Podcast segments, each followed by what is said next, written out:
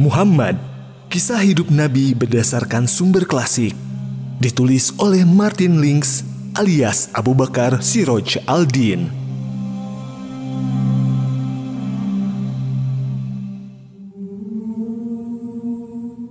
Pada saat itu, Yaman berada di bawah kekuasaan Abisinia. Dan Abraha, seorang Abisinia, menjadi gubernur di sana.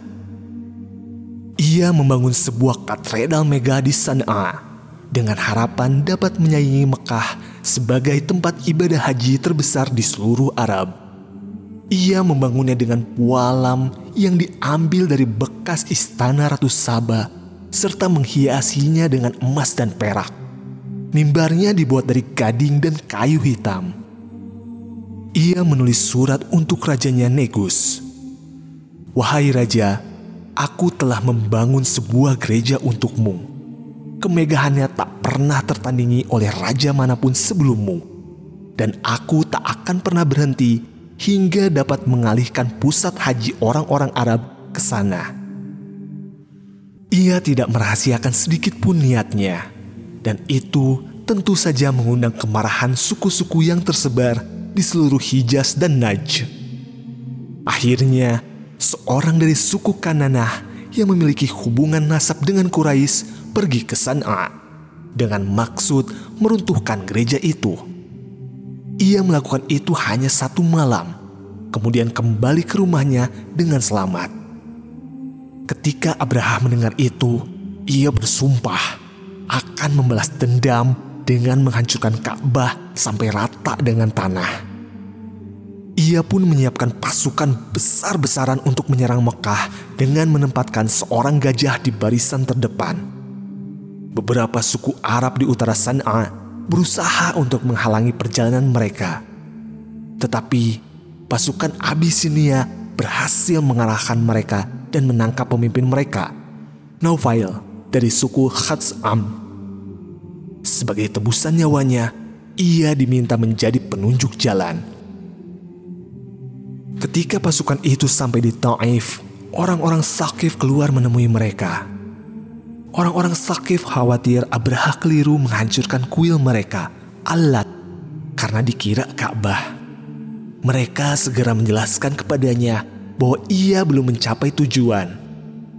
Mereka juga memberi petunjuk jalan untuk mengantarkan pasukan tersebut. Meskipun telah memiliki Noval, Abraha menerima tawaran itu. Tetapi penunjuk jalan itu meninggal dalam perjalanan, kira-kira dua mil dari Mekah di sebuah tempat yang dikenal dengan Mugammis, dan ia dikuburkan di sana. Belakangan orang-orang Arab selalu melempari kuburan itu dengan batu. Bahkan orang-orang yang tinggal di sekitarnya tetap melakukannya hingga sekarang. Abraha berhenti di Mugammis dan mengirimkan pasukan berkuda ke daerah pinggiran Mekah. Mereka merampas apa saja yang mereka temukan di perjalanan dan mengirimkan hasil rampasannya kepada Abraha, termasuk 200 unta milik Abdul Muthalib. Quraisy dan suku-suku lain di sekitarnya mengadakan pertemuan dewan perang. Mereka memutuskan bahwa percuma saja mereka melawan serangan musuh. Sementara itu, Abraha mengirimkan seorang utusan ke Mekah untuk menemui pemimpin mereka di sana. Ia berpesan bahwa mereka datang bukan untuk perang, melainkan hanya ingin menghancurkan Ka'bah. Dan jika ingin menghindari pertumpahan darah, maka pemimpin Mekah harus menemuinya di kemah pasukan Abisinia. Sebenarnya, tak ada pemimpin resmi untuk semua suku Quraisy setelah seluruh hak-hak istimewa dan tanggung jawab kepemimpinan telah dibagi antara keluarga Abdul Aldar dan Abdul Manaf. Tetapi sebagian besar masyarakat Mekah beranggapan bahwa pemimpin mereka adalah orang yang secara de facto memang mengemban fungsi kepemimpinan. Kali ini, utusan itu diantar menghadap Abdul Al-Muthalib yang kemudian bersama seorang putranya mengikuti utusan tersebut ke perkemahan.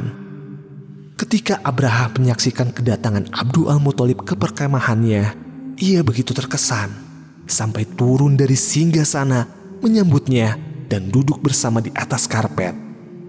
Ia menyuruh juru bicaranya menanyakan kepada Abdul Al-Muthalib permintaan apa yang hendak diajukan. Abdul Al-Muthalib meminta agar 200 ekor untanya yang telah dirampas oleh para pasukan Abraha dikembalikan. Abraha tampak sangat terkejut mendengar permintaan itu. Ia sangat kecewa mendengarnya karena menganggap Abdul Al-Muthalib jauh lebih mementingkan unta-untanya ketimbang agamanya yang sedang terancam untuk dihancurkan. Abdul Al-Muthalib pun menjawab, Aku adalah pemilik unta-unta itu. Sementara Ka'bah ada pemiliknya sendiri yang akan melindunginya. Tapi sekarang ini dia tidak akan mampu melawanku, kata Abraha. Kita lihat saja nanti, jawab Abdul Al-Muthalib. Tapi kembalikan unta-untaku sekarang.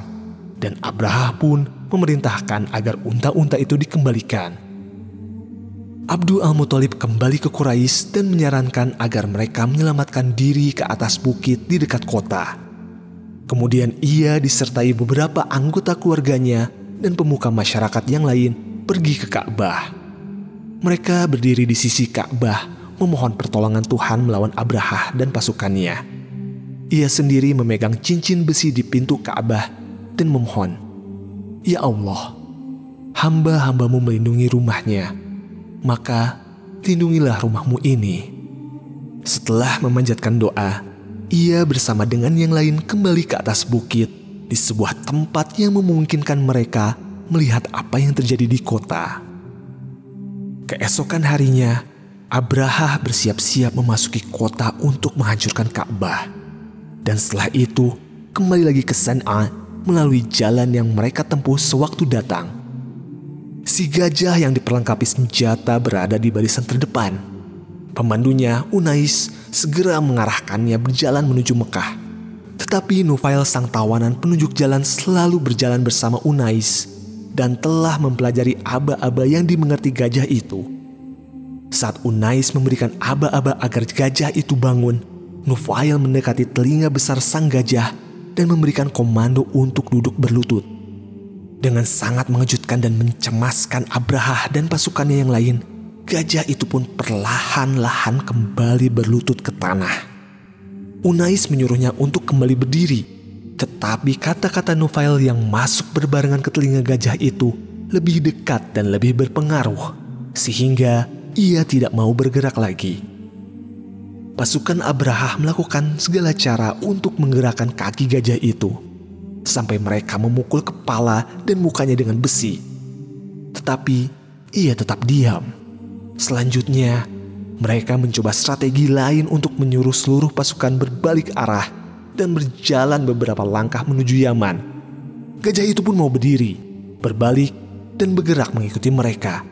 Dengan penuh harap, pasukan berbalik arah lagi dan gajah itu pun mengikuti mereka. Namun, ketika mengarah ke Mekah, gajah itu kembali berlutut. Sebenarnya itu sebuah pertanda yang sangat jelas bahwa mereka tak akan berhasil maju selangkah pun. Namun Abraha telah diputakan oleh ambisi pribadinya atas kejayaan tempat ibadah yang dibangunnya dan oleh nafsu untuk menghancurkan saingan besarnya. Jika mereka kembali lagi ke tempat kediamannya, mereka pasti akan luput dari sebuah bencana besar. Tetapi mereka telah terlambat. Langit di ufuk barat menghitam pekat, dan suara-suara gemuruh pun terdengar. Dengan suara yang makin menggelegar, muncul gelombang kegelapan yang menyapu dari arah laut dan menutupi langit di atas mereka. Sejauh jangkauan pandangan mereka, langit-langit dipenuhi beribu-ribu burung, tak terhitung jumlahnya.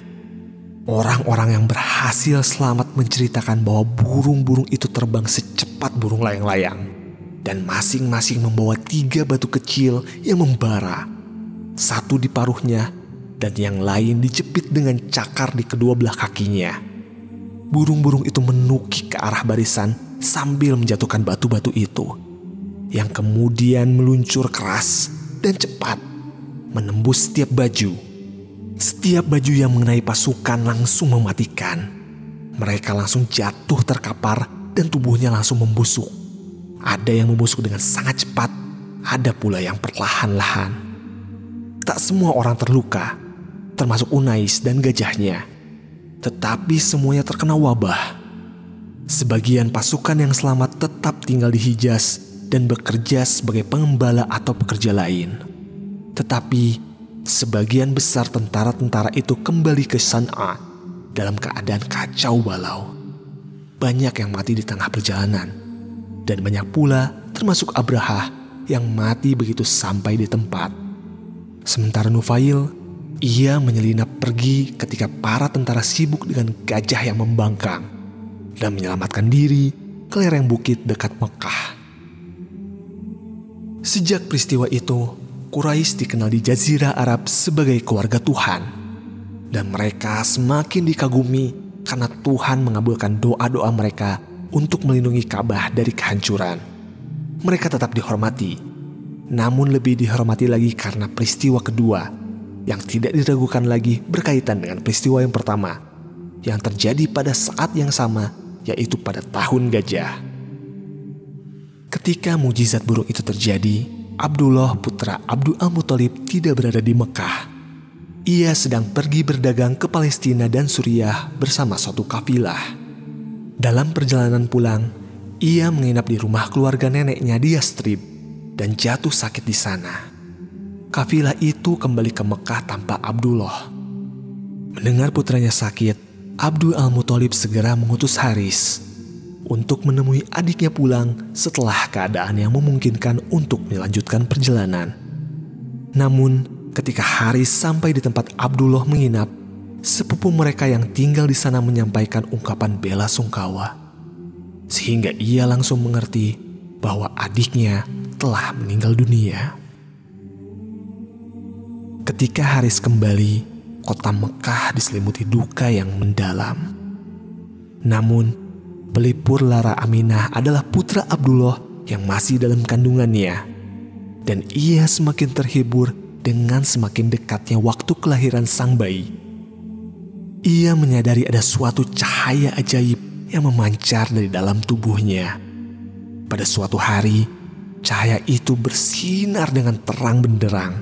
Hingga dengan cahaya itu, ia dapat melihat kastil-kastil Bosra di Suriah ia mendengar suara, "Engkau mengandung seorang pemimpin seluruh umat manusia, dan jika ia telah lahir, katakanlah, Aku menyerahkan perlindungan anak ini kepada Tuhan yang satu dari segala kejahatan orang-orang yang jahat, dan namailah ia Muhammad."